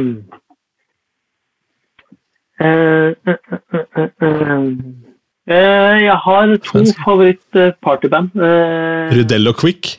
Ja, nei, det er jo det er også gode venner av meg, eh, så jeg kan ikke Ja, ja, jeg, ja. jeg, skal- jeg skal ikke nevne dem. Dette her er Peter Simpson-band. Aldri hørt om, faktisk. Det overraska meg litt. Ja, nå skal du høre da en historie. Peter Simpson han er da egentlig trubadur nå til dags. Han har også eget band som heter Peter Simpson Band. Eh, men han er da hjernen bak Drengerne og Om du vil ha min Ja. Om du vil bli min fru Ja. Fru Og må ta meg her og nå. Ja. Det er han som har skrevet de låtene sammen med Drengerne. Eh, men han har òg et eget partyband eh, som heter Peter Simpson Band, som da har spilt i Hemsedal på i, eh, Ikke på Stavkroa, men litt lenger opp. Mm. Det, ja, det er Thomas som spiller nå. Ja. Gibelhausen. Ja. Eh, blant, blant annet. Ja. Eh, og de spiller jo alle de gode Afterfear-låtene. Men Peter han er jo en vanvittig dyktig musiker. Eh, så jeg, jeg, var i Hems, jeg har vært i Hemsedal én helg som jeg ikke har spilt, og da var jeg på fest. Og da spilte overraskende nok Peter Simpson. Og det var eh, Yes. fra eh, ende til annen. Så det er min eh, best eh, overraskende kveld jeg har vært på. Eh, og det er så utrolig bra. Når musikeren er så dyktig at det, det bare smeller. Og, eh, men min egen favorittgig, eh, det vet jeg faktisk egentlig ikke. Jeg har mange år og mange helger i Trysil. Eh, jeg vil heller spille inne på låven for 650 pers over to etasjer. Der da alle eh, står og hopper og danser og eventuelt ser ned på det, der du står, eller opp, eller hva det er, enn å spille for 2000 der folk er litt i sin egen verden. Ja, sånn. Eh, eh, jeg har spilt ute på låven eh, for et par tusen pers. der folk står i sin egen verden og bare vagger litt grann, og ikke er helt med på det du driver med. Men inne så er det så tett. Det er så pakka. Eh, låven er vel egentlig en av de plassene som jeg har vært eh, som det var da eneste sted i Norge som var godkjent av brannvesenet for å ha fire pers per kvadratmeter. At det var i hvert fall seks pers per kvadratmeter til tider, ja. Og du, du kan da se en rookie afterskier som kommer da med et brett med halvlitere. Som skal gå da diagonalt på, gjennom lokalet. Det er du på afterski. Du kjøper flaskeøl. Ja. ja. Jeg hørte fra mannen sjøl. det er deilig.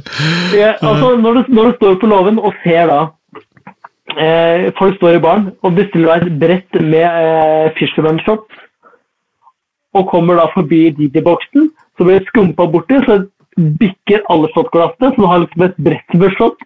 Du ser bare han bare snur sånn molefonken og går bort til baren igjen. Ja. Det har jeg sett på Guns N' Roses-konsert på Valle HV nå.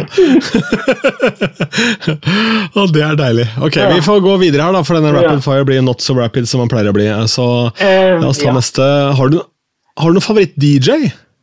Nei, jeg, altså egentlig ikke. Jeg har aldri vært noe sånn og han der og han er så Å, fuck, han der han mikser så rått. Og jeg har aldri vært der i det hele tatt. Eh, eneste eh, DJ-en jeg egentlig liksom syns har vært eh, Som jeg egentlig ser litt opp til når det gjelder miksing og sånne ting, det er Roger Eggesvik.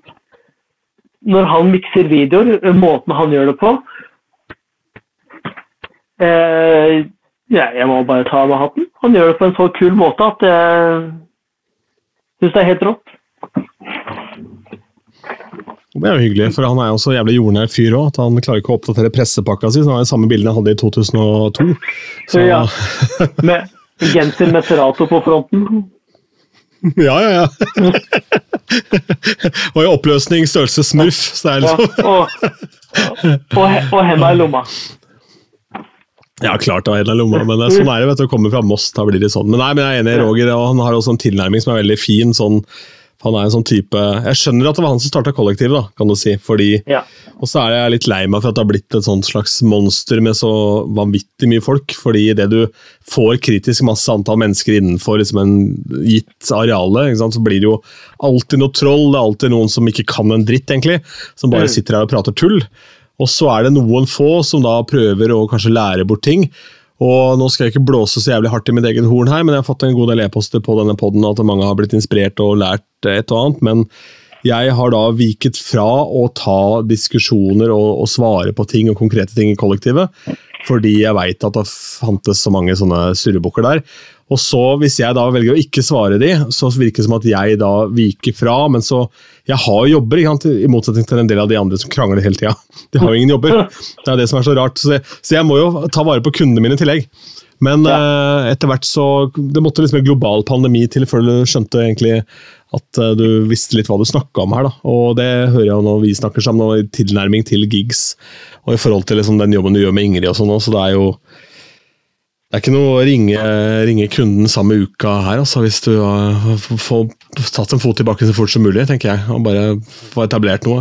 Plutselig så er halve selskapet polske, ja, så da bør du ha en plan, i hvert fall. Eh, ja. Absolutt. Så, ja, nei, så Favoritt-DJ er jo da Roger Eggesvik og jeg vil trippe Gasha, faktisk. For jeg har, hørt, eh, jeg har sett noen snapper fra deg når du hører på deg sjøl i bilen. så det er ikke gærent. Ja. Eh, jeg, men jeg har egentlig aldri, Ja! jeg har aldri, vært, så, jeg har aldri vært noe særlig glad i å høre på meg sjøl. Jeg har hatt noen sånne mediegreier på ungdomsskolen og sånne ting. Jeg har aldri vært så særlig glad i å høre min egen stemme. Eh, Nei, men det, det, det, er ikke noe rart, fordi det er noe av det verste folk vet i hele verden. Det. Det Ja. først da jeg skjønte at jeg kunne jobbe med radio, var da jeg ble komfortabel med det som kommer ut av det der, eh, nebbet her. Ja. Da man skjønte hva man hadde å spille på. Det var da det liksom knakk den koden. Men eh, når jeg da på afterski, når eh, Arild kommer opp og rapper sånn euro-rap til eh, Rhythm is a Dancer eh, eh, Og han Nei, det er helt rått. Folk står der og måper. Ja. Det, er- det er dritkult. Han hadde to. Eh, Rhythm is a Dancer og Pizza Man med Sex in the Streets. Det var de to han gjorde. Og den har jeg aldri hørt. Da må vi ta, få han til å ta den neste gang vi er på Ja. Det skal vi lett gjøre. Vi skal kjøre en, eh, en runde til. Ok, vi får, eh, får humpe videre her, da. Eh, Hva er det du driver med når ikke du er DJ, bortsett fra å surre med masse barn og pusse opp og kjøre snøscooter og være legende på Finnskogen, holdt jeg på å si? Finnskogen er jo langt er, Finnskogen. hva er det som er Finnskogen. Ja, jeg bare kødder med deg. Bare, bare. Det, er, det, er, det føles litt ingenmannsland når man er hjemme hos Geir Arne. For der, Ja. det, der kan du ta knerten på en fyr uten at noen får med seg i nabolaget, for å si det sånn. Um, Eh, ja. hva liker du å gjøre? altså Hva er rekreasjon for Geir Arne? Eh, du har jo nevnt eh, å pusse opp og greier. Eh, jeg er veldig glad i å snekre og pusse opp. Også. Ellers så har jeg i mange år holdt på med, med hund, redningshund og trener. Eh, det har blitt lite. Eh, det er familien som tar alt, og det er sånn det skal være. Eh, føler jeg sjøl. Familie, hund og musikk er vel kanskje det som står mitt hjerte nærmest. Ja, Det var jo nesten på en måte da det vanlige Svensson-livet. Der mangler det bare stakketgjerde og stasjonsvogn. ikke sant? Hvis du bytter opp musikken med stakketgjerde, så er vi der. Ja, jeg har stasjonsvogn, men står nedsnødd uten skilt.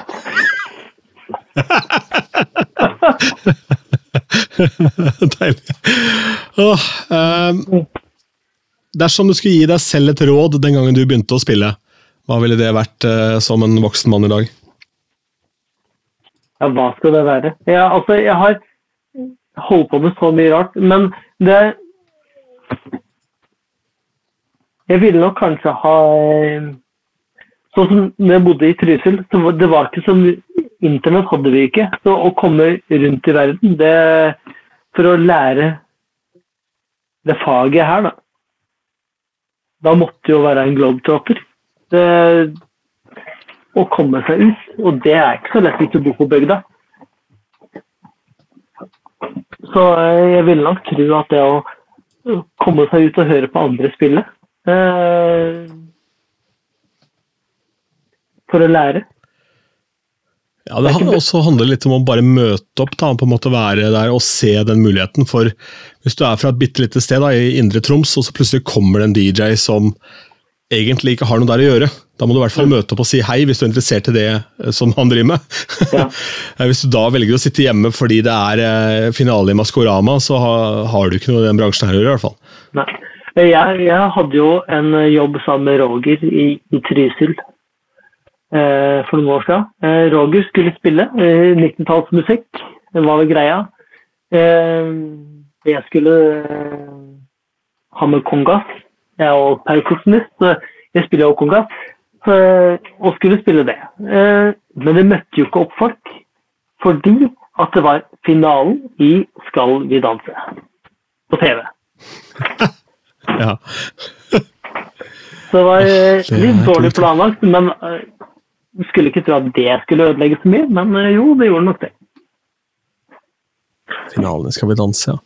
Altså det, altså det hadde jeg ikke sett på for penger, altså. Det, gir meg ingenting. Jeg, kan hende jeg blir solgt. Jeg har egentlig en, eh, har en stående avtale med Jan Gunnar Sollien eh, om at han skal gjøre den podden her, DJ Solli.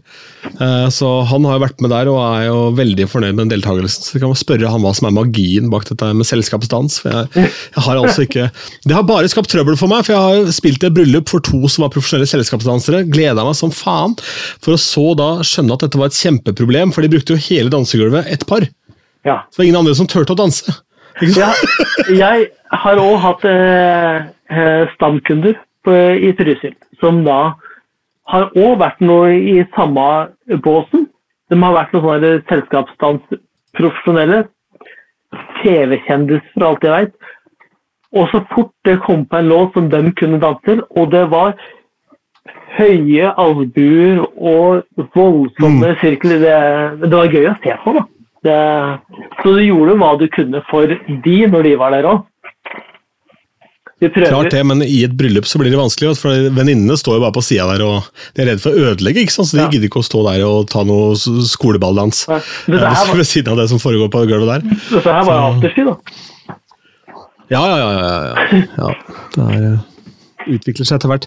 Skal vi se, Da er det siste spørsmål, Geir Arne, og det er jo eh, blant mange det aller viktigste. Og det er jo da selvfølgelig eh, det spørsmålet som er helt essensielt i livet. Hva er din favorittbit i Twist-posen? Det tror jeg aldri har blitt nevnt før. Det er aprikos. Ja, men Den er ikke med lenger, eller, tror jeg. Jo, det er den, tenker jeg. Var det? ja, Det kan det ikke være, den er jo så jævlig vond! Altså, slutt da! Jeg har, eh, jeg har, jeg har, no, jeg har noen som jeg liker. Eh, der det er karamell. Eh, Ja, det er ikke så veldig spennende. Nei. Eh, men eh, jeg har aldri egentlig hatt noe særlig sans for aprikos.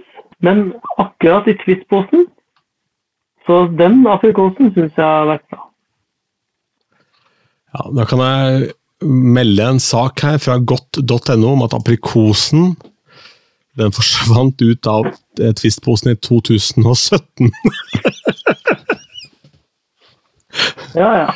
ja okay. Eh, For nå er det den som heter fransk nougat som har tatt over jobben til aprikos. da tydeligvis. Så da kan vi jo si det at Geir Arne han er ikke så veldig hissig på twisten, da, eh, for å si det sånn. Altså, han holder seg i god form der oppe i Innlandet. Eh, ok. Ja, vi får si det, da.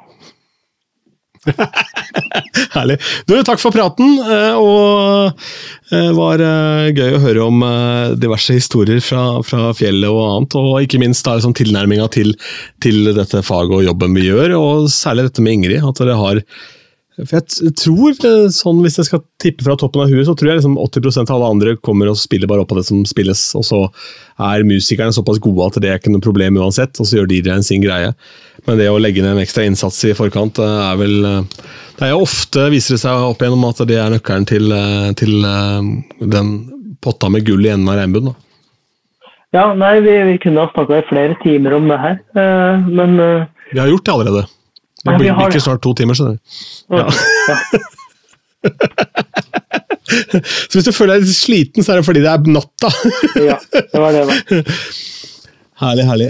Um, det er eh, en sann glede å skravle med deg igjen. da. Vi ses jo altfor sjelden, selvfølgelig, for det er mye å gjøre på hver vår kant, og avstander etter hvert, og dieselpriser og gud veit hva. Men hva, hva er det neste på tapetet nå? Du sa du ikke hadde booka noe, men du kan jo på en måte ikke gå Skal du ending on a high note? Da skal du bare gjøre oktoberfest på Youngstorget, og så fuck off? Eller hva er tanken, liksom? Eh, nå har jeg eh, Jeg og Roger vi har vært mye i, eh, i Vågå. Eh, der har vi en kar som eh, Han har jo booka norgeseliten i partymusikk eh, før. Og han kalte det Haraball. Og der var det Det var jo Tix og Morgan Solene og Ja, hele den greia der. Og, som jeg var oppover sist som eh, sa Hei, Geir Arne, jo, du var jo med Roger oppover i, på Vågå. Og han møtte jeg jo på Besseggen eh, plutselig. Så vi må ta en prat. Jeg trenger deg. Ja. Så eh, det er vel det eneste at han skulle planlegge noe greier. Så skulle, ville han at jeg skulle komme og spille. Eh, ellers så har jeg ikke noen bookinger i hele tatt. Så eh, hvis eh, Afterski er jo Jeg venter liksom på noen kremjobber i, i fjellheimen i vinter, da. Ja, jeg tenker det at hvis du vil ha en fyr som er interessert i altså, Jeg kan tenke meg at du har like mye moro av den der dagtidsgiggen som at du skal stå på kvelden og pumpe når folk er drita. Ja, ja, ja. Det, det, jo mye Det var mye av det beste, som var, så var det å kunne kjøre afterski fra tre til åtte. Da, var- da var du liksom på jobb på festen. Eh, Ja. Og så kunne du gå ut på kvelden etterpå. Ikke sant? Og så må du huske at vi har blitt eh, holdt på å si, gamle og feite. Jeg har alltid vært feit, og Geir Arne begynner å bli gammel, så han kan gjerne spille litt mindre enn fem timer. Han kan godt gjøre fire. Det går bra. Det går helt fint. Herlig.